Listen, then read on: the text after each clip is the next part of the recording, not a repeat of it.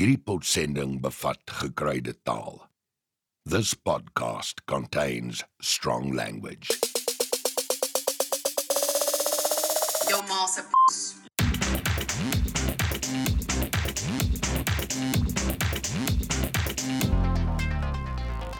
Welkom by nog 'n episode van Wadde Vloekwoord, 'n potsending oor vloek, skel en ander taboes.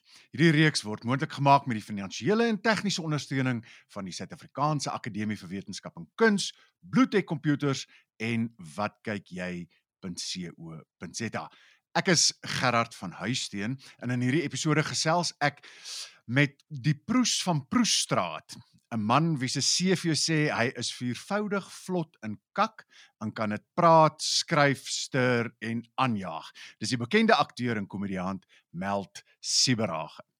Meld, wat op aarde beteken dit vir jou dat jy kan kak stuur en wat beteken dit dat jy kan kak aanjaag? Wanneer is iets kak en wanneer is iets nie kak nie? Uh hallo Gerard, ek weet nie, dit is maar dis seker makliker om na die tyd terug te kyk en te sê wat jy reg gekry het. Ek dink nie mense gaan noodwendig daar daarop uit met die met die doel om kank aan te jaag of te stuur nie. Dit gebeur maar per ongeluk. Dis 'n 'n gelukkige byvoordeel.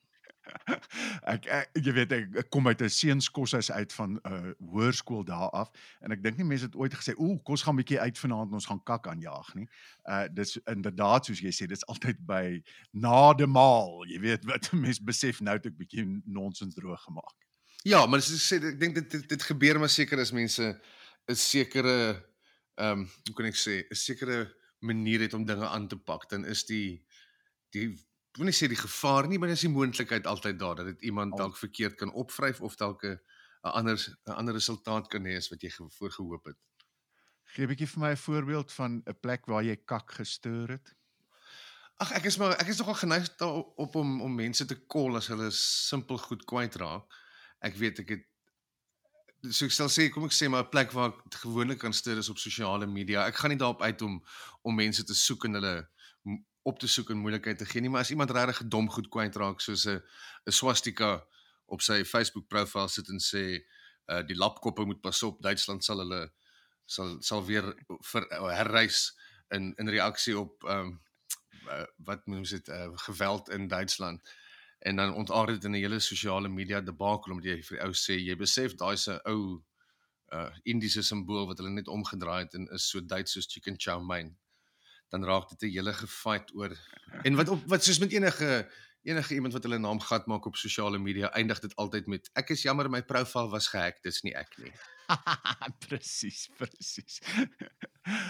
uh meld kom ons breek die ys en kom ons val weg met ons taboe waardes vir ons eerste 3 woorde. Nou, dit gaan hier oor 'n waarde tussen 1 en 9 waar 1 is glad nie taboe nie en 9 is baie taboe en hoe jy dink ander mense die volgende 3 woorde sal ervaar. As jy dit nou sê net maar op 'n verhoog sou gebruik of by 'n TV oh, in 'n TV-program of so iets. Okay. Jou eerste 3 woorde en ek gee hulle vir jou so saam. So jy kan hulle ook rangskik. Ja. Is snormossel, slaimkonyn en zabertonnel. Ehm um, ek dink ja, dis baie afhanklik van wie die gehoor is of wie die ander mense in hierdie geval want ek dink party mense sal daai woorde hoor en glad nie weet wat dit beteken nie. So vir hulle is dit 'n wat, wat beteken dit as dat dalk luisteraars hier is wat nie weet nie. Ek neem aan dit is alles 'n uh, informele slang terme vir die vroulike geslagsdeel. Presies. Ehm um, so ja, ek dink ek sal dit dalk vir party mense moet verduidelik. So vir hulle sal dit obviously 'n 2 lees. Vir mense wat baie baie preets is, sal dit sekerlik 'n goeie 7 lees al drie van hulle. Ek dink nie een dink nie een is ehm um, sterker as die ander nie. Alhoewel slaimkonyn is bietjie erg. Ek sal ek sal ek sal ek sal lank en hard dink voordat ek hom noodwendig te veel gebruik. So kom ons gee vir slaimkonyn 'n 8 en vir ehm um, zabertonnel is 7 en vir snormossel is 6. So dis vir my baie interessant jy bevestig my eie gevoel hieroor. Dis dis nie woorde wat dis nie vir my 3s en 4s wat ek sommer nou op uh, Facebook gaan rondgooi nie. Ehm um, so hulle is bietjie hoër daar selfs al is dit sulke metaforiese woorde maar slaimkonyn van die drie is ook vir my die ergste hoekom dink jy is dit Ek weet nie, ek dink dit klink dalk is slaim iets wat daar wat wat negatief klink. Dit slaim is iets wat wat jy kry as jy siek is. Het slaim op die bors of so. So slaim is 'n 'n negatiewe ding. Ek meen 'n snor of 'n mossel is per se nie negatief nie en saam is hulle ook nie, maar die oomblik wat slaim intree, dit klink met seker net 'n bietjie 'n bietjie klewerig, 'n bietjie ietjie. Dis bietjie soos die Engelse moist, nê. Nee, dis daai Ja. slijm. Ja, presies. Okay. Uh het jy in 'n omgewing groot geword waar daar gevloek is? Kyk, ons is nou almal bekend daarmee dat jy in Ventersdorp groot geword het. Uh is daar gevloek in in jou ouerhuis? Nie in in ons ouer huis seker 'n bietjie, maar baie min, nie nie eintlik van my ma se kant af nie. My pa was eers 'n boer en toe het hy 'n drankwinkel gehad in die dorp en ek ek het een van daai daai wasige eerste herinneringe van hier rondom 3 jaar oud is. Ek onthou die dag toe ek die eerste keer my pa vir 'n klomp beeste wat nie uit die pad uit wou gee vir die bakkie nie, het hy na hulle as donders verwys en ek onthou dis die eerste keer dat ek daai Hmm. woord gehoor het. Maar dit was omtrent dit party goed was kak en so. Ehm um, dis baie snaaks baie later in sy lewe het my pa na beroerte het hy so 'n bietjie sy filter verloor. Toe hy nogal was was sy antwoord op enigiets wat hom nie aangestaan het nie was net ag kak man. En ek ek vind myself ek vind myself dit ook nogal al hoe meer gebruik hoe ouer ek word. Maar dit dit was nooit in ons huis verstaan nie eintlik lukraak gevloek nie. Daar was wel 'n vernoot van my pa in die drankwinkel, 'n 'n Joodse oomie met die naam Richard. En Richard het gevloek en hy het in Engels gevloek. Weet so woorde soos soos fucking bitch het nogal maklik opgeklink uit die kantoor uit. Maar my ma het my nooit daarteen beskerm of soos my ore toegedruk nie. Dit was net maar net hoe dit gegaan het. Richard het lelik gepraat en dit het niemand geplan nie. Ja, ja, ja. En ander ooms het nogal ander ooms het nogal baie meer gevloeke. So ek moet sê my pa en ma was nie vloekers per se nie. Ehm um, maar ek het baie vloekwoorde gehoor van ander kante af. maar dit was nie asof hulle gesê het, "O, oh, jy mag nie vloek nie." Nee, dis nou nie dis nie dis nie dis nie aangemoedig nie, want dit is nie 'n kwessie van tabasco op die tong of mond uitwas met seep Ja, as daar 'n ja. vloekwoord opduik nie. En in in in die skool daar in Ventersdorp? Ek eh, ek neem aan jy was in Ventersdorp in die skool. Ja, ek dink ek dink dit was seker omtrent soos met meeste kinders van van daai ouderdom wat as jy 'n nuwe woord leer, dan gebruik jy hom vrot, jy weet. So alles was so sekerlik op 'n stadium as ek moet dink fokken dit en fokken dat. Maar ook weer eens hang dit af van konteks. Iets is iets is fokken lekker op die rugbyveld, maar dis nie fokken lekker by die CSV nie, jy weet. Ja, So. ja, ja, ja, ja, ja. Uh uh, d- ons bly by jou kinderdae. Vertel my van oom Siep se biltong. Oom Siep se biltong kom nie uit my kinderdae uit nie. Dit kom van 10 jaar gelede toe toe my pa drie majestueuse daggeplante in sy tuin gehad het. En hoe dit gebeur. Ek het vir hom die pitte gegee. Hy wou nog altyd hy wou nog altyd gesien het hoe lyk 'n hoe lyk 'n daggeplant. En toe, toe gooi hy gee ek vir 'n handvol pitte wat ek in Joburg by iemand gekry het en hy gooi dit in die tuin en die goed toring toe net bo die boontjies en die ander groente uit. Dat ek op 'n stadium vir hom moet sê want dis dis toe nog heeltemal onwettig geweest. het. Ek toe moet vir hom sê stop dit net. Dit is besig om oor die muur te groei. En natuurlik enige iemand wat nou van die die kweek vandag geweet as jy die bopunt afsny dan stimuleer jy groei aan die kant. So toe pof hulle op soos kwaai krimpvarkies. En langs toe die kort is toe, ek, toe hy, hy raak toe paranoïes en trek dit uit. Of bel my toe en sê hy gaan dit uittrek en ek sê toe trek dit uit, dis fyn, jy het nou gesien hoe dit lyk. En toe ek 2 weke later by die huis kom, toe moet ek vir hom sê mense sou jou geglo het dat jy nie weet wat dit is toe dit in die tuin gegroei het nie. Maar die feit dat dit nou onderste bo in die garage hang wys dat jy presies weet wat dit is. En ek het toe maar sakkies vol daarvan uitgedeel aan geïnteresseerde partye en dis dit staan toe bekend as om Siep se biltong. Ah, so dis waar dit vandaan kom. Want in gewone jare sou ek met biltong teruggekom het van 'n kuier by hom Siep af en daardie jaar toe kom ek nou terug met iets anders. met iets heeltemal anders. Ek op daai onderwerp. Kos gaan bietjie na taboes toe. Hoe taboe is dagga en die verbruik daarvan heden den dae in 2020 in Suid-Afrika? Ek weet nie. Ek ek moet sê dis ek dink nie ek het my my vinger heeltemal op die pols daarvan nie want in die in die kringe wat ek nog altyd beweeg is weet vandat ek ek het op op universiteit toe ek gaan drama swat het maak jy kennis met o gats mense rook dagga en hulle is nie almal bloedbelope besetenis soos wat ek geleer het mense wat dagga rook is nie. So as jy in kringe beweeg wat dit meer aanvaarbaar is dat daar omtrent by elke partytjie is daar iemand in die hoek wat 'n jointjie rook, dan dan begin jy daaraan dink as iets wat daar so is, soos wat daar drank is of bier is of wat ook al.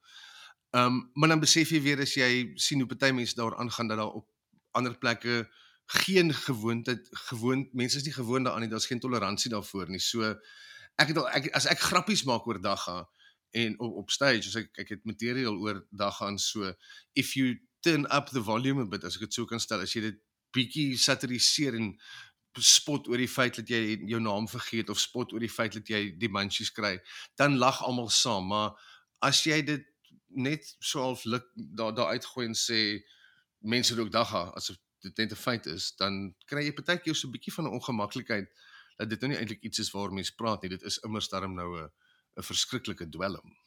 Hmm. En en, en dink jy kom ko, ons maak dit ook los van enige iemand wat ons ken. Kom ons sê persoon X is 'n bekende akteur. Dink jy as hy of sy in 'n uh, huisgenoot onderhoud terloops moet sê o ek uh, rook elke saterdag aand lekker 'n uh, 'n uh, zol of so iets dink jy dit sal vir die leserspubliek van huisgenoot 'n taboe wees as ons hulle kan veralgemeen in een groep in dan dink ek ja hulle sal neig hulle sal neig na die na die meer geafronteerde kant toe my persepsie weer eens soos ek sê dis alles is altyd maar so so subjektief Maar as ek nou 'n ja, nee. huisgenoot leser as 'n mens voor my moet sien, dink ek nie hy sal baie in sy hy of sy sal baie in sy skik wees met die idee dat hulle hulle held elke Saterdag aand te spliff hier ook nie. Ja. En die interessante vir my daarvan van die hele kwessie is dat dit eintlik dis 'n ding wat gelegaliseer is in uh Suid-Afrika. Ek bedoel dis nie onwettig nie. Dit maak dus eintlik dat daar gaan nie meer 'n dwelm is nie. Uh maar tog kleef daar hierdie taboewaarde uh daaraan nê. Nee. Ehm um, en ja, dit kan vir soveel ander goed geld. Ja, maar dis ook vreemd as ek dink dit is 'n 'n slegte ding as iemand is 'n dagga roker of 'n dagga kop, maar ehm um, en kyk ek weer by Engel en onder Engelse mense is daar weer die amper nie wrevel nie, maar baie mense wat ek ken hou nie van die woord dagga nie. Hulle soos en dit is so harde harde lelike woord dagga. Dit klink agga.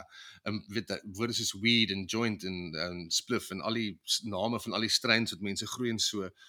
So dis nogal snaaks vir vir Afrikaanse mense is dagga gaga, maar ons vergeet dit klink vir ander mense ewig gaga baie ja, keer. Ja. Ja, inderdaad. En ek, ek dink ook jy weet so vir, vir my hierdie hele ding van die uh uh taboe ding wat wettig is. Uh iets soos in die gay wêreld byvoorbeeld, jy weet ten spyte daarvan dat dat uh gay willeke byvoorbeeld toelaatbaar is, dat sodomie nie meer 'n sonde is en so aan nie, bly daai uh stigma nog vir sommige mense daar. Dis iets wat 'n wet nie eintlik kan regmaak uh op 'n manier nie, nê. Nee. nee, dis ook dis ook teen die wet om rassisties te wees en kyk waar sit ons. So uh meld is daar vloekwoorde wat jou ontstel. So jy het net nou gesê so slaimkonyn gaan ek nou nie so maklik gebruik nie, maar dink jy daar is woorde wat jou ontstel, jou persoonlik self ontstel? Uh nee, nie, nie vloekwoorde nie. Ek dink ek dink intensie is sekerlik altyd maar die die groot bepaler as dit kom daarbey. Um weet as 'n verskil vir my tussen vloek en iemand te vervloek weet jy kan vir iemand baie iets baie baie lelik sê sonder om 'n enkele vloekwoord per se te gebruik. Kan iemand baie slegte goed of leed of so iets toewens of of hulle karakter afbreek sonder 'n enkele vloekwoord. So ek dink intensie is maar altyd ding. As iemand sê slaimkonyn in 'n gesprek, gaan ek myself doodlag daarvoor, want ek dink dit is baie hmm. slim en snaaks. Ek verstaan dis 'n dit dit is 'n taboe woord in daai sin. Ek sal ek kan nie sien dat ek dit baie maklik sal gebruik nie. Maar jy weet nooit nie, dalk het jy eendag net 'n uh, 'n non-eufemistiese eufemisme nodig en dan gryp ek op. presies, presies. Jy sê nou nie noodwendig vloekwoorde nie, maar watse tipe woorde sal jou dan wel ontstel? Ehm um, haatdraande woorde, weet hate speech, mense wat wat wat woorde of of dit nou ehm um, teenoor vrouens gemik is en of dit rassisties van aard is en of dit net bloot gemeen is, weet mense wat ander mense verkleineer is vir my dis vir my 'n baie aakliger ding om te aanskou is om te hoor hoe iemand 17 vloekwoorde in 'n ry afrits. Dit dit sê dit dit gaan oor die intensie daar agter wat wat my die ja. meeste ontstel indien enigsins. Ek het ver oggend toevallig uh, op Facebook 'n interessante gesprek gevolg wat uh, gegaan het oor vloek in boeke en uh toe het 'n skrywer daar gesê ja, sy haar karakters vloek en so, solank uh maar niemand geen van haar karakters vloek en dan nou tussen aanhalingstekens boontoe nie.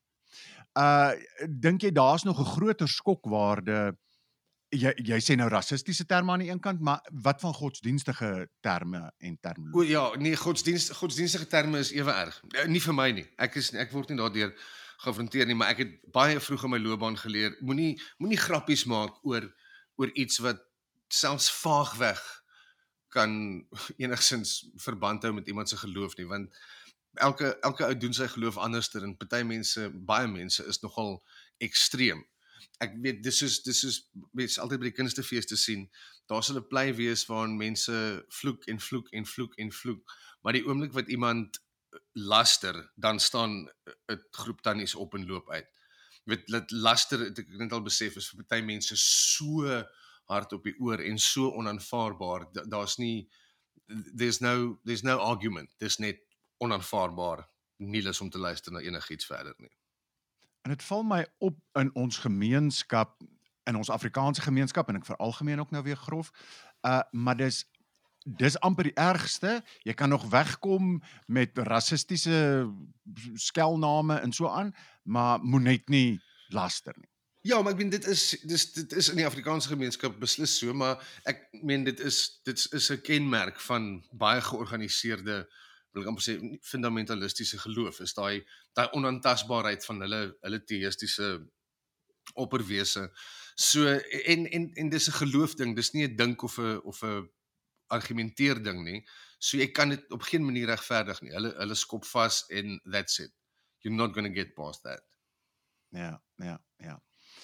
Van woorde gepraat voor ons 'n advertensiebreek vat. Hier is jou volgende 3 woorde. Skaal van 1 tot 9. Hoe aanstootlik is die volgende 3 woorde vir ander mense? Nie vir Meltsie berage nie, vir ander mense. Hier kom hulle. Voel tril piel. Ooh.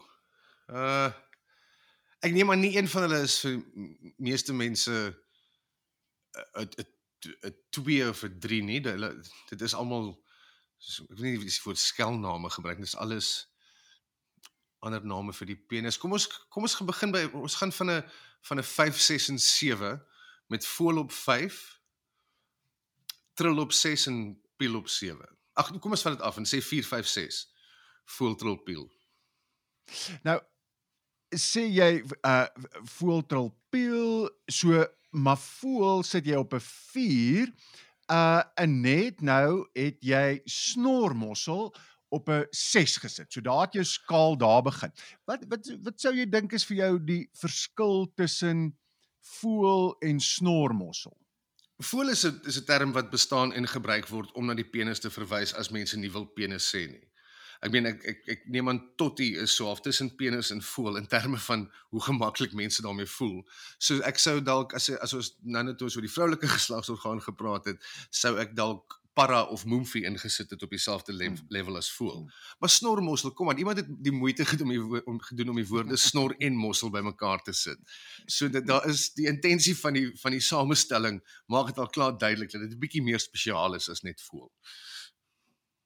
Ja, dis amper so dis nie 'n skoolgrond woord snormossel nie terwyl uh voel is 'n algemene skoolgrond woord. Ja, ja, ehm um, ek ek kan imagine dat 'n kwaai ma vir haar man sal sê, weet, Frikkie sit al weer en speel met sy voel. Weet dis I can hear that from my mother's lips, maar ek kan nie kan nie ek kan nie snormossel in dieselfde manier sien uitpop per ongeluk in 'n gesprek nie. En dis nogal eh, vir my die, die interessante vir my hiervan is hoe so 'n uh, speelse woord ehm um, wat in wese nie aanstoot kan gee nie, maar wat speels is en komies is, so snormossel, dan nou eintlik 'n hoër aanstoot aanstootlikheidswaarde het as 'n ander woord. Ja, maar soos ek sê, ek dink dit ek dink dit is dit is omdat iemand die moeite gedoen het om daai woord aan mekaar te slaan, jy weet. Jy wou jy wou iets sê maar dit bietjie harder of net beter en anders te sê as wat jy dit kan sê. Ons is net hierna terug, moenie weggaan nie.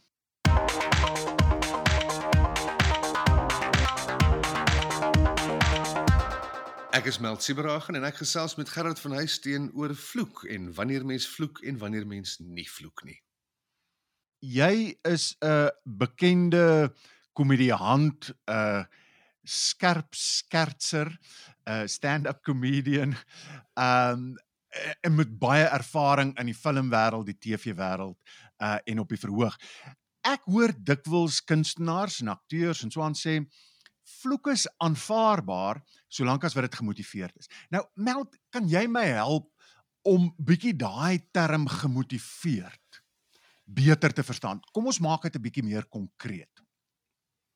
O, oh, dit is nogal ek ek verstaan die die gemotiveerd want dit is dit is daar. Ek meen maar jou motivering gaan tog nie net oor die vloekwoorde nie. So ek ek ek's nogal 'n 'n groot aanhanger van die van die gesegde dat onthou 'n kunstenaar hou 'n spieël op na die samelewing. So jy wys hom net wat reeds daar is en as jy die lewe gaan weergee en op enige manier akkuraat wees dan gaan jy daarin vloek want in die lewe vloek mense. So ek dink as mens motivering soof moet gaan soek, lê dit op die op die eenvoudigste vlak daarin dat dit is hoe mense praat. Um, as jy 'n karakter skryf wat vloek, is dit omdat daar in die regte lewe karakters is wat vloek weet as jy iemand laat as jy 'n karakter laat vloek omdat hulle kwaad is, is dit omdat mense vloek as hulle kwaad is. Ja, kom ons kom ons staan so jou jou een aspek hier is realisties dus, nê. Nee, ja, ek dink 'n getroue 'n getroue weerspieëling van van die samelewing of van die samelewing klink so formeel, maar weet van ja, die, die die die die die die menslike kondisie wat nog meer formeel klink, maar jy verstaan wat ek bedoel.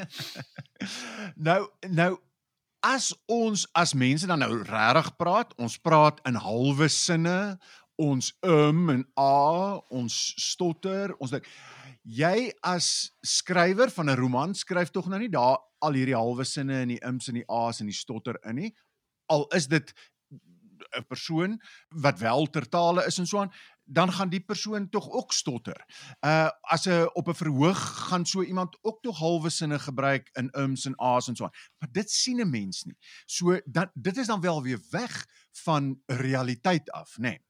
Seker, maar ehm um, ek weet nie as iemand skryf ja, ek was daar stotter hy hulpeloos. Dis die wonderding van wonderlike ding van skryf. Jy kan in 'n paar woorde vir iemand 'n prentjie skets van hoe iets gebeur. Um in dialoog en films Eh, of op die verhoog dink ek sit mens dit kom van die akteur se kant af om stopwoorde en so in te sit maar ek dink dink nie vloek kan beperk word tot 'n 'n gewoonte of 'n stopwoord of 'n 'n tik of 'n manier van praat nie. Partykeer het jy tog 'n vloekwoord nodig vir die gevoelswaarde of om iets te onderstreep. So gee my voorbeeld. Nee, as jy net sê ek ek is moeg versus ek is gatvol versus ek is fucking oor hierdie kak is almal dieselfde idee, maar net drie verskillende maniere om dit te sê. En is dit sterker maniere of wat is die funksie daarvan om dan fucking kak te gebruik in plek van moeg? Wel ek dink dit dit maak dit erger. Dit dit wat wys in elk geval hoe die karakter voel oor iets.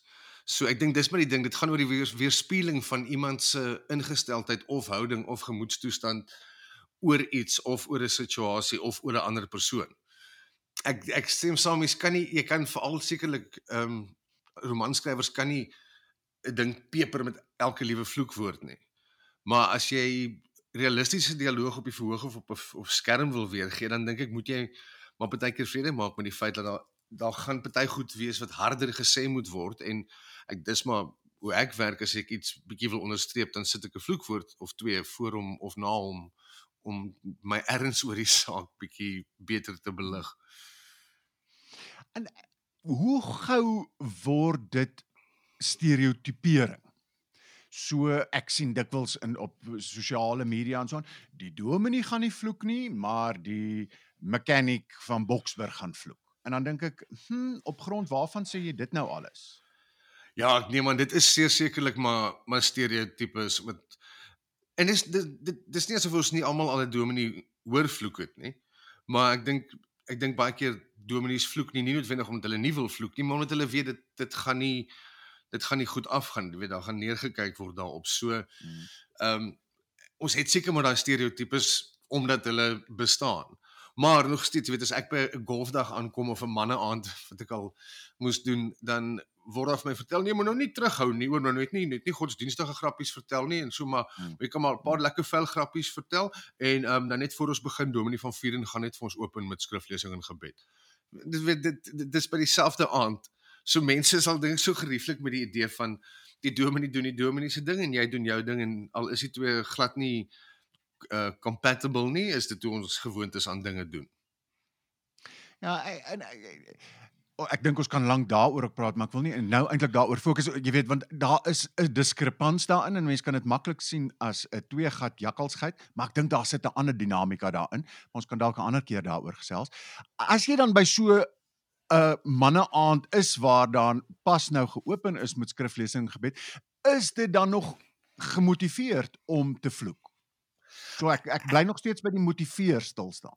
Ek dink die, die die motivering is vir my alles altyd kontekstueel. As ek as ek in 'n klub in Johannesburg 11 uur in die aand in 'n soos in 'n in 'n kelder verdieping lekker hardcore club comedy doen, gaan ek nie omgee om meer te vloek in my in my aanbieding van wat ek doen nie.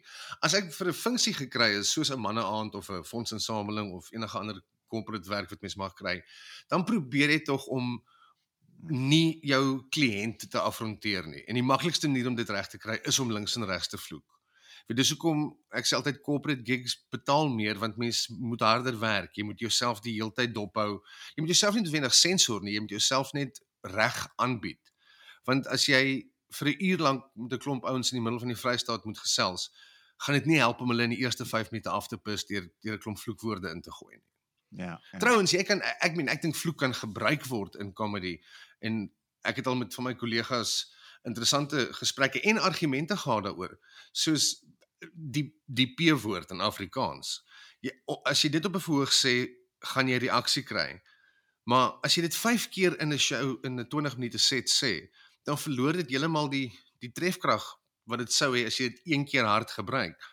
En jy kan dit nog meer manipuleer tot jou eie voordeel en 3 keer of 4 keer in die aanloop amper dit sê en sê jy weet en toe voel ek soos 'n poepel en dit was sommer net pateties if you kind of deliberately avoid saying it 5 times as jy dan die 5de keer kom en uit nêrens uit nie om per ongeluk laat val is jy amper gewaarborg om 'n groot la lag en 'n reaksie daarop te kry Mm. vir die manier waarop jy dit sê jy weet en dis net nog 'n punchline ek dink nie jy, jy moenie jy kan nie vloek gebruik as 'n as 'n kruk deur jou hele stand-up set en dan ewe skielik verwag dit moet nog steeds punch hê aan die einde nie. Jy weet soos Barry Hilton vloek glad nie. Jy het nog Hmm. nooit vir Barry Hilton gesien vloek op 'n verhoog nie. Hy vloek nie. Dis sy sy ding en dis hoekom hy so suksesvol is want mense kan hulle hele gesin vat. Maar ek weet jou as Barry Hilton die dag per ongeluk vloek en hy doen dit reg, gaan mense lê soos hulle lag en nie dink hy het sy hele morele kompas verloor nie. Ja, ja, ja. Uh, ek ek wil hê ons moet flussies terugkom na die uh komedie wêreld toe. Ek gaan probeer gou-gou saamvat dan sê vir my of ek jou reg verstaan. As ek nou so uit my kop uit dink, so die eerste een wat jy sê is uh dit moet realisties wees, dan is dit gemotiveerd. Jy sê dit moet 'n funksie hê. Het sy doelbewus om mense te laat lag of doelbewus om mense te skok of doelbewus om te karakteriseer of doelbewus om uh kontras tussen karakters uit te wys en so aan. En die derde ding wat ek hoor wat jy sê is dit is dit moet gemotiveerd wees in terme van jou gehoor. Uh met die nou ek gaan nou maar die woord gebruik met respek vir die gehoor. Uh wat die vloek in in een plek is nie die vloek in 'n ander plek nie. So jy moet gemotiveerd is wie is dit wat daarna luister. Som ek bietjie reggerig op wat jy gesê Ja het? ja, ek dink so. Ja, in die eerste in die eerste plek dit gaan oor die moti- motivering en die effek daarvan. Soos ek sê, as jy enigiets skryf, redigeer jy dit uit om om oortollige byvoeglike bepalinge uit te haal, om oortollige woorde uit te haal en jy moet met die met dieselfde swaar hand werk aan vloekwoorde. Daar's niks daarmee fout om die vloekwoorde te hê nie, maar is nie nodig om dit weet om 'n hele manuskrip te deurspek te hê van van die vloekwoorde nie. Dit- Dan verloor dit die impak soos in in punt 2 en 3. Jy weet as dit iets beteken, dan beteken dit elke keer iets, maar jy kan nie mense sag maak daarvoor nie. Ja. En ja, die respek vir die gehoor is dis moeilik, weet want stand-up praat jy met 'n groep mense voor jou en jy wil nie noodwendig jouself en dit wat jy wil doen te veel uh wat se mooi woord kompromiteer nie. Jy wil nie Ja. jy wil, jy wil nie die essens van wat jy doen aanpas om by hulle te pas nie, maar jy wil hulle ook nie aspres net ontstel en afbis van die begin af nie. Want dan gaan dit vir albei van julle 'n redelike onsmaaklike ervaring wees. Dit moet 'n verskriklike moeilike ding wees daai interaksie met die gehoor. Uh as jy uh, skerp ske- skertsery doen, stand-up doen, dan dit, dit moet 'n moeilike ding wees van waar wie beledig jy hoe en wie beledig jy nie. Is dit 'n is dit 'n baie moeilike ding? Ehm um, dit is moeilik ja, maar dit is baie lekker in die sin dat jy het, jy kry dadelik terugvoer. Ek meen daar's geen beter manier om te weet of mense dink iets is snaaks as dat hulle voor jou sit en lag of nie lag nie. So dit dis die lekker ding van stand-up is dat dit dinamies is. Jy kan jy kan saam met jou gehoor gaan of jy kan hulle saam met jou vat. Maar dis baie maklik om te pyl waar hulle is en waar jy met hulle staan. Ek meen jy kan nie in 'n toneelstuk of op enigiets anderster jou jou aanbieding verander na gelang van die gehoor nie, maar in stand-up het jy daai direkte interaksie, so jy kan nogal die skip stuur in 'n rigting wat wat vir almal werk. Ja. Wat is die wat is die verskil tussen daai genres waar uh kom ek sê nou maar iets soos uh Casper de Vries argumentsonthaalwe wat 'n uh, vertoning het en dis een rigting teenoor 'n ding waar jy direk met iemand in die gehoor praat en dan 'n grappie maak oor jy kom van Wolmaranstad af en dan maak jy grappies daaroor en dan in beledig die persoon partykeer en so aan. Uh wat, wat is wat is daai verskil in genre? Dis Ek- die dis- interaksie en die nie een nie. Ja, dis maar alles be bepalings binne in komedie. Ek dink wat wat Casper ehm um, Casper wat wat sketse doen en en, en monoloë, maar dit is hoe hy begin het. Dit was basies kabaret geweest. As ek dink aan Ja. 92, 94 toe ek hom die eerste keer gesien het. Dit was kabaret. Daar was songs ook in met sketse tussenin. So hy neem 'n karakter aan of dit nou oom Calimari is of Montel of wie ook al. Hy neem die karakter aan en hy doen 'n monoloog as die karakter. So ek wil amper as mens dit moet klassifiseer is daai meer kabaret komedie al is daar nie altyd musiek by nie. Waar stand-up is maar net 'n ou wat met 'n mikrofoon staan en gesels. En Casper het ook in die afgelope paar jaar 'n hele paar kere net plain stand-up gedoen wat heeltemal 'n ander belewenis is om Casper te sien net praat en en riff oor hoe dit was in die weermag en hoe hy afgekak het en so. Dit Ja. so so almal jy kan komedie op baie maniere doen. Ek dink stand-up is maar een van die maniere en dan binne in stand-up nie almal hou daarvan om met die gehoor te te interact nie soos met hulle te gesels en inligting te kry want as daar's niks so sleg soos wanneer iemand vir jou sê hy kom van Wolmaranstad af en jy het net regtig niks om te sê oor Wolmaranstad nie.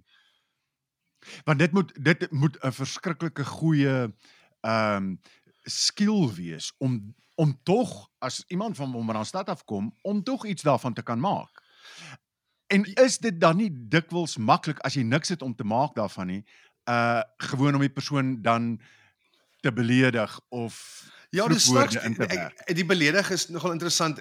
Eh, b- Mens dink baie keer of me- baie mense dink aan 'n komediant wat op een ou in die gehoor pik en so, maar dis nie eintlik dis nie eintlik waarvoor ons daar is nie. Daar is baie ouens wat dit doen, maar dan hoor jy ook maar dieselfde jokes die hele tyd, weet self, daar's baie ouens saam met wie ek baie werk en jy kom agter hulle dit is 'n sekere manier om 'n situasie te hanteer. Weet so baie ouens as jy nou sê jy kom van Wolmaranstad af en of jy sê jy kom van Piketberg af, sy Aha. grappie gaan wees. Oh, no need no need joking about that. God already got you. Ha ha ha. Jy weet so Ja ja. d- d- daar's maniere en maniere. Ek dink nie jy moet ooit daarop uitgaan om jou om jou gehoor uh te beledig nie. Jy kan hulle laat ongemaklik voel en uithaal oor iets, maar weer eens hierdie ouens is is in hierdie rit saam met jou vir 'n bepaalde tyd. So miskien nie altyd die beste idee om hulle te vroeg te antagonis antagonis ja, wat antagonize. Daar val my Afrikaans. En as jy 'n bietjie terug na wat jy net nou gesê het, selfs al is hulle daar om 'n bietjie geantagoniseer te word of beledig te word of so, uh moet jy nog steeds daar respek voor hê, nê? Nee, dit is nie net heeltemal 'n eenrigting straat nie. Hulle ja, hulle hulle het immers betaal om vermaak te word. So jy moet ten minste 'n ordentlike poging aanwend om hulle te vermaak. En, en ek ek wil bietjie praat in daai genre vir my hoort 'n ding soos 'n roast hoort bietjie daar by stand-up, nê, nee, as ek verkeerd as ek dit sê. Ja, ja, kyk maar 'n roast is ook weet mense kom met 'n jy jy moet vir 'n roast deeglik beplan, maar ek neem aan dit dit val onder stand-up. Ek ek weet nie dis so soos ek sê dis so breed. Dit val definitief onder komedie. daarmee is ek fine. Ehm um, dis nie 'n monoloog nie. So ja, seker sekerlik is 'n roast naby aan stand-up. Wat is wat is het jy al deelgeneem aan 'n roast of was jy al die onderwerp van 'n roast? Ja, ons of- was ehm um, Casper de Vries het so oe, seker 5, 6 jaar terug het hy die die Comics Choice Lifetime Achievement Award gewen. En toe het ons 'n grilling vir hom gehad in Parkers Comedy and Jive waar ons vir ehm um, vir Casper geroast het. En maar by 'n roast mens mens roast nie net die persoon wat geroast word nie, jy roast ook elkeen van die paneellede net so vinnig. Hmm. Dis waar Hannes Brimmer na my verwys het. Um my my friend Mel Sibrachen is a heavy drinker in the sense that he is heavy and he drinks. en, en, en waar lê die grense daarvan beledig, grof beledig? Uh en wat is die rol wat vloek daar kan speel by so 'n roast? Ek dink Ek ek wil ek wil gou-gou my my verklaar hier. Uh ek het die laaste roast wat ek gesien het was die een van Steve Hofmeyer. sorry uh, en ek het my eintlik daai aand voorgenem ek wil dit nooit weer in my lewe kyk nie want uh a het ek gevind dit is vlak uh uh beledigings wat uitgedeel word uh en ek kon net nie meer daarmee dat van die Engelse ouens gedink het dit is verskriklik snaaks om die P-woord die hele tyd rond te gooi en dan moet mense nou daarvoor lag en dan lag jy gehoor inderdaad daarvoor. Uh ek het dit goedkoop gevind. Ja, maar dit is ook I mean daar's 'n paar woorde daarin wat vir jou waarskuwing moes wees soos dat dit Comedy Central is wat pretty much die roast konsep heeltemal gehijack het. Ons Hmm. ons ons moes daai wat ons vir Casper gedoen het was 'n grilling. Dit was nie 'n roast nie want hulle het letterlik nou die die die woord roast gecopyright.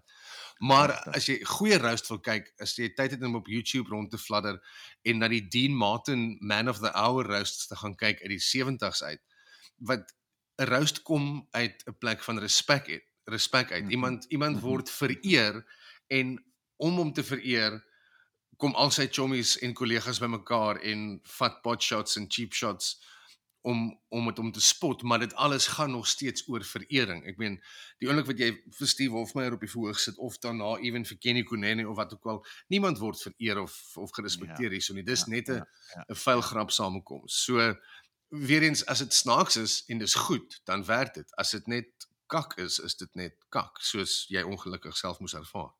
Ja, ja, inderdaad. Ehm um, En ek wil net by sê, ekskuus, jy moet ook as jy as jy hierdie goed kyk, as jy famous mense sien snaaks wees, moet nooit dink hulle het dit self geskryf nie.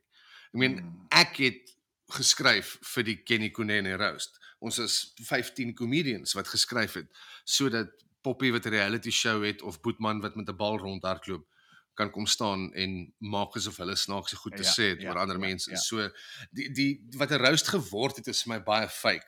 Waar dit vandaan kom met die Friars Club in New York en die Dean Martin roast wat jy dit regtig doen om iemand te vereer, dan het dit heeltemal 'n ander dinamika en en ek dink selfs dan vloekwoorde is nie waaroor dit gaan nie. Daar mag 'n daar mag 'n paar lae houe wees, maar jy gaan hom nie net weet reguit vloek nie. Jy gaan hom nie net 'n Ja. dom 'n dom doos noem nie. That, that's not funny. presies. Ja. Nee, dit is nie, nê. Nee. Ek bedoel Ja.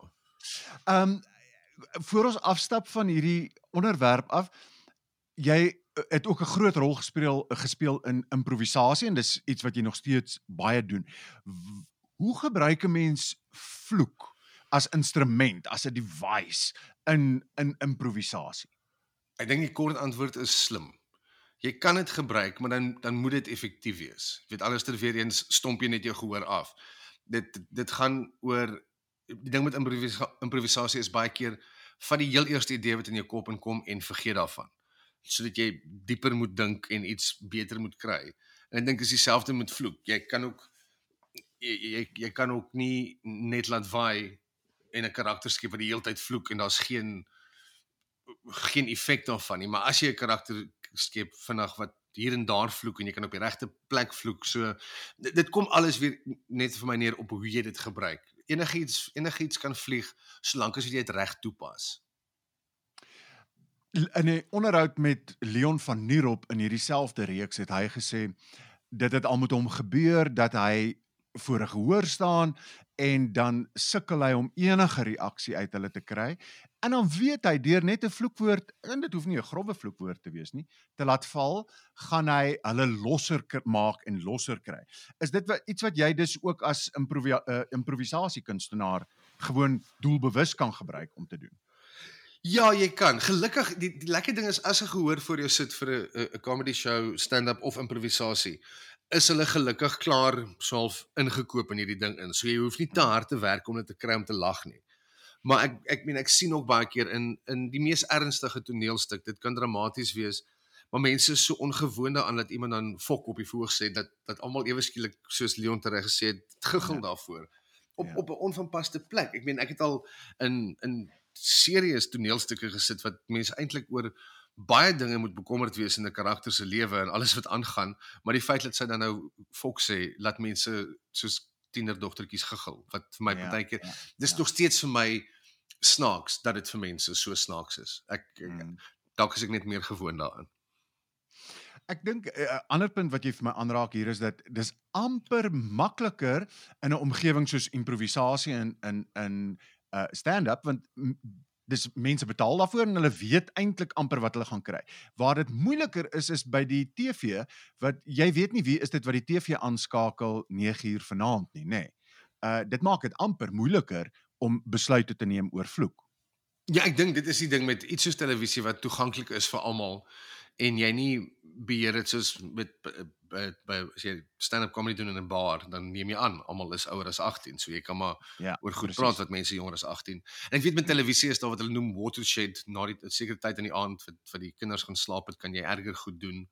Ehm um, maar ek dink weer eens dis maar as jy kyk na televisiereekse nou, jou HBO reekse soos The Sopranos wat groot was in in in die laat 90s 2000 dan het hulle gevloek soos matrose soos wat regte mobsters ja. kon sy sou praat maar dieselfde tyd op wat hulle noem network television in Amerika het The West Wing uitgesaai die Aaron Sorkin reeks sewe reekse net so suksesvol soos Sopranos maar omdat dit network television was is daar geen vloekwoorde in nie Ja, so ja. weer eens jy jy kuiter vir jou gehoor Uh, kom ons stap dis vir my 'n goeie oorstapplek. Jy doen ook heelwat werk deesdae met oorklanking spesifiek. Ja, dit is dis iets wat ehm um, weer weer pos gevat het. Daar soos 'n uh, 'n 'n oorklankingsbedryf. Dis maar kanale soos ETV en so wat wat hulle hulle ligtyd vul en daar kom baie goeie reekse uit onder andere Turkye uit. Weet jy, jy praat van 180 episode telenovela wat met baie goeie produksiewaarde kom en en reg vir oorklanking kom. Met ander woorde, al die byklanke en musiek is klaar daar, maar die die die audio is weggevat. Jy kry dit met 'n teks, mense vertaal dit. So ja, nou ewe skielik vertaal ons weer asof dit 1976 is. En in Afrikaans in. Ja, onder andere dit daar word ook goed in Engels in oorgeklank, maar ons daar's 'n paar daar's 'n paar Afrikaanse reekse wat jy ek dink is op E Extra sal jy hulle kan sien. Nou kom ons praat bietjie oor taalgebruik daar. Eerste kry julle as teksskrywers, as oorklankers en so aan kry jy spesifieke instruksies van jou opdraggewer of van die uitsender of van wie ook al om te sê hier is 'n lys van woorde wat jy nie mag gebruik nie. Ja, ek dink daar's 'n basiese lys van woorde wat mens obviously nie mag gebruik nie en daai lys sal enige iets wees wat as 'n vloekwoord kwalifiseer.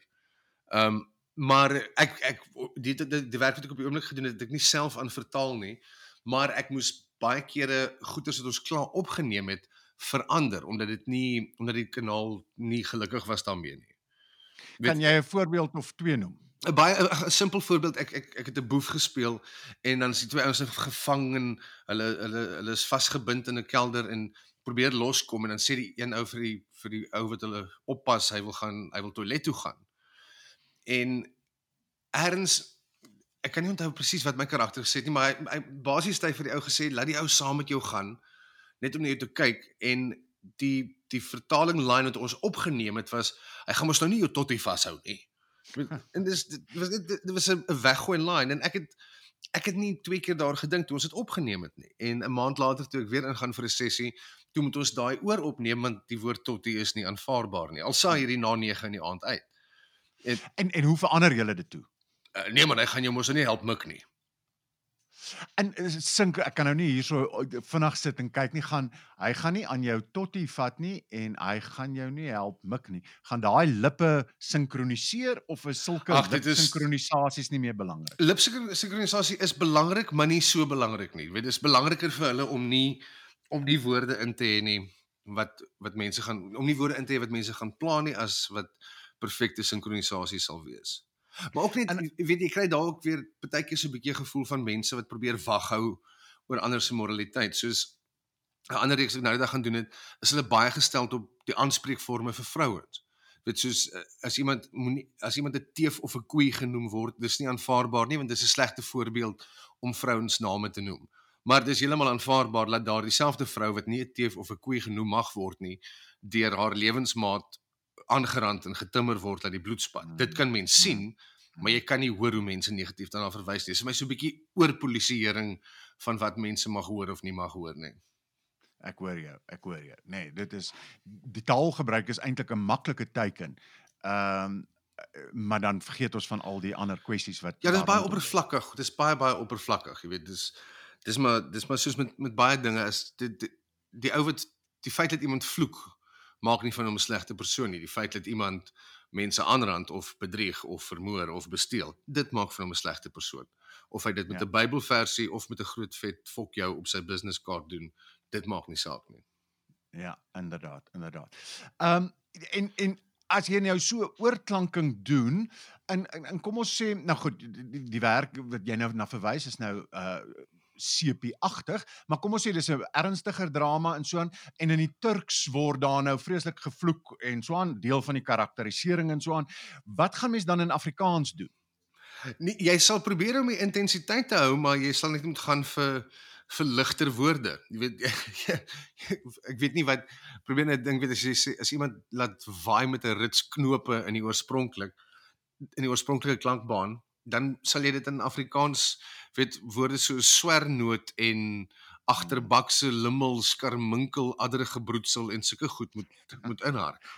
Ja, ja, ja. En en dalk selfs dan met stemtoon meer as met ander goeters ook, nê, nee, want dis ook nog weer eens devices wat tot 'n mens se beskikking is. Ja, en dit gaan weer alles oor interpretasie, weet of jy, as die ou dit nou stadig en afgemete of kwaad en luidrigtig sê, jy doen dit maar jy het gelukkig die prentjie op die skerm en jy die jy die die doel van die woorde so solank as wat jy kan enige woord, ek bedoel ek kan iemand 'n patat noem en dit regtig aaklig bedoel dat patat behoort genoegsaam te wees om om te, te laat weet hoe ek voel in terme van hoe ek dit sê. Ja, So mens mens pas dit maar aan. Meld, ehm uh, kom ons praat bietjie gou oor sensuur. Uh waar dink jy lê die grense van wat gesensureer moet word en nie?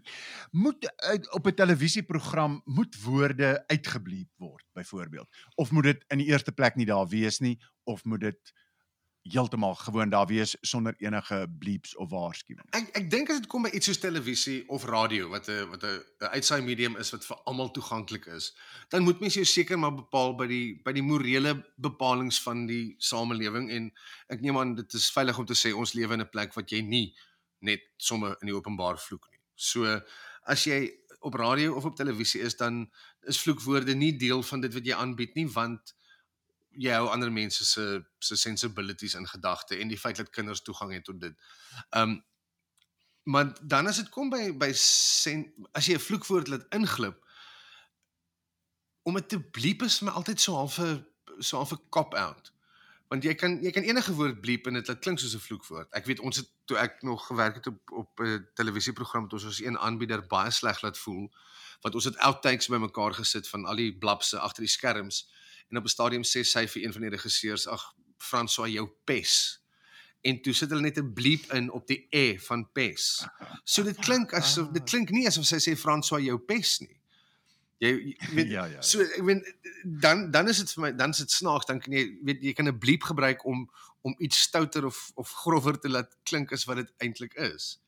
Maar ek weet ek het eendag radio-advertensies opgeneem en die kliënt wat met alle geweld gehad het want dit was so droë standaard delivery en die ou moes net gesê het iets soos 50% af hip hip hoe fucking ra en uh, ek ek ek was nie die stemkunstenaar so ek het net hierdie geveg beskou tussen die kopieskrywer en die kliënt wat die kopieskrywer probeer verduidelik ja hy verstaan dat dit snaaks is om om dit in te sit en dit uit te bliep maar dis hack dit is al gedoen dis nie oorspronklik nie dis nie snaaks nie dit klink net weet ek dink dit seker maar 'n 'n kwessie van persoonlike smaak want ek sal eerder 'n as as as 'n ou tannie of of 'n kind baie out of place vloek in 'n in 'n TV-program of 'n fliek, sal ek dit baie meer geniet as ek die woord kan hoor wat hulle sê as wat ek 'n beep moet Ja. hoor.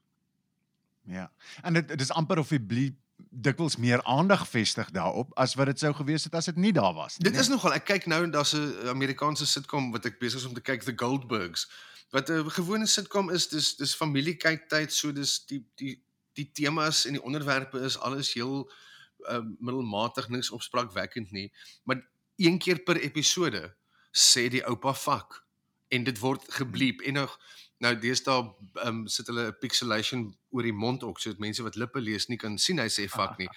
En en dit is niks anders dit is 'n device nie. Dis dis 'n dis 'n episodiese grappie daai is wanneer gaan oupa sê fuck. Al al hoor niemand Ja. hom fuck sê nie. Almal sien hy sê dit want mens kan nie sy lippe sien nie en almal hoor hy sê dit want mens kan nie hoor wat hy sê nie. So da, dan en almal weet dit is presies wat hy ja, sê. en ek is nog nie baie ver gekyk nie, maar dit sal vir my 'n great motief wees as dit een keer per episode gebeur. Want dan sit snaaks, dan sit gemotiveerd. Enigiets gaan weer eens kom terug vir my, maar by wat is die motivering agter dit en wat is die doel daarvan? En jou perspektief op ouderdomsbeperkings? Ek het nie ek het nie 'n uh, ouderdomsbeperkings baie ervaar in my lewe nie. My maale was nie gepla met wat ek gekyk het of wat ek uitgeneem het in terme van video's of wat ek gelees het nie. En hulle het ook weet hulle boekrak met goed soos John Gordon Davis se Hold My Hand I'm Dying en al die uh, Erik von Loostbader en Leon Juris en dan al my ma se Engelse poetry en so. Ek, ek het baie vloekwoorde gelees in my lewe en ek weet da- daai is die eerste boeke wat ek ooit gesien het met 'n met 'n ouderdomsbeperking op The Ninja dink ek nog van Ja, Erik ja, von ja, ja. Loostbader met No 2 to 18s. Dis natuurlik hoekom ek daai boek gelees het toe ek 11 was al. Tuurlik. Maar natuurlijk. ek dink ouderdomsbeperkings as dit kom by taalgebruik ek weet nie ek ek dink ouer begeleiding is die, is, is seker maar die die makliker opsie. As jy nie wil hê jou kind moet blootgestel word aan iets nie, kyk dit saam met hulle en verduidelik vir hom na die tyd moenie so praat nie. Maar om net 'n ouderdomsbeperking oor iets te klap, dink ek is nie is nie 'n baie effektiewe manier om enigiets reg te kry nie. En dan sneller waarskuwings, dis om die ouer wat met sy of haar kind wil kyk te waarsku, hoorie, hier gaan jy vloekwoorde hoor. Ek sien deesdae op Netflix kondig hulle ook aan jy gaan rook sien dat mense hier in rook. Dis deel van die sneller waarskuwings. Uh geweld en so aan. Uh dink jy dis geregverdig? Ek weet nie is dit is vir my weer eens persoonlik is dit nie genoeg as daar in die in die ouderdomsbeperking blokkie staan daar mos nou S of L of V of wat ook al vir vir wat dit is wat wat wat aan iets hierdie beperking gekry het nie. Um trigger warnings is vir my 'n baie vreemde ding. Neil Gaiman het 'n 'n kortverhaal bundel uitgegee 2 of 3 jaar terug met die naam Trigger Warning wat wat hy nogal baie oor in sê dat dis vir hom vreemd. Mens mense ervaar tog kuns of 'n storie, jy gaan op hierdie storie om verras te word en op twist and turns gevat te word. So 'n trigger warning maak dit amper so of doelloos om deur dit alles te werk as jy weet iemand het eendag gesê, weet as jy kan jy dink as jy 'n trigger warning moet sit op al Shakespeare se werke. Met Macbeth Ja. moet jy gaan hierdie is die okkulte en en moord en weet dit elke elke elke elke een van daai plays van hom sal 'n serieus sneller waarskuwing op moet kry. Ek dink eerder 'n- 'n handleiding soos ek sê 'n 'n 'n gids wat net sê hierdie en hierdie en hierdie is temas of so wat hierin mag verskyn behoort sekerlik genoegsaam te wees, maar ek, ek mense is ook so sensitief en word so gespoenfeed deesdae. Ek weet nie meer wat mense kan sê oor iets wat want ek dink die oorspronklike idee van 'n trigger warning was seker sekerlik om te help. En nou word dit meer net soos 'n hekkie. Ja. En dit word eintlik vir mense wat nou skielik getrigger is, eintlik 'n sweep om iemand mee te slaan om te sê jy het my nie gewaarsku nie, so now I am offended. Uh what are you going to do about the fact that I am offended? Nee. Ja, dit raak dit weet dit raak alles baie baie kan ek sê baie selfsugtig amper. Ek wonder baie keer goed soos offense of of triggered by gaan vir my baie keer asof mense glad nie deel is van 'n storie of iets nie en al hoe hulle kan deel word daarvan is om te sê ek is daardeur geafronteer. Hmm, pragtig gesê, pragtig gesê, pragtig gesê. Uh al bevestig jy dan wat ek dink, ander mense sal hopelik van my en jou verskil ook. Ja, ek dink weer eens weer eens weet 'n trigger warning en 'n vloekwoord is dieselfde ding. Dit gaan oor wat is die doel daarvan? Wat is die intensie? Is dit regtig om te keer dat iemand nie uh Titus Andronicus lees en lees hoe iemand se kinders vir hulle gevoer word nie? Dit weet is dit regtig jou jou jou, eerbare doel ja. om dit te verhoed? Of wil jy net vir mense sê hierdie is bietjie oudtyds en bietjie stiekie en bloederig vir at your own warn, at your own risk? Presies, presies. Meld, uh ons het aan die einde gekom. Ek sê vir jou verskriklik baie dankie. Uh dit is vir my vars en heerlik om te hoor uh hoe intellektueel jy met hierdie goed omgaan, dat jy nadenkend is hieroor uh en ek wens jou alle plesier en alle sterkte toe met al die baie vingers wat jy en al die baie pastye het. Baie baie dankie. Dankie Gerard. Dankie dat jy geluister het na nog 'n episode van Wat 'n vloekwoord. As jy op Facebook is, en Meld is ook op Facebook in dieselfde groep, sluit aan by die vloekgroep by facebook.com vorentoe skynstreep groups vorentoe skynstreep vloek. So soek vir die vloekgroep op Facebook. Ek is Gerard van Huisteen en onthou, as jy moet vloek, vloek vrolik, vloek vriendelik en vloek in klein letters. Gekruide taal.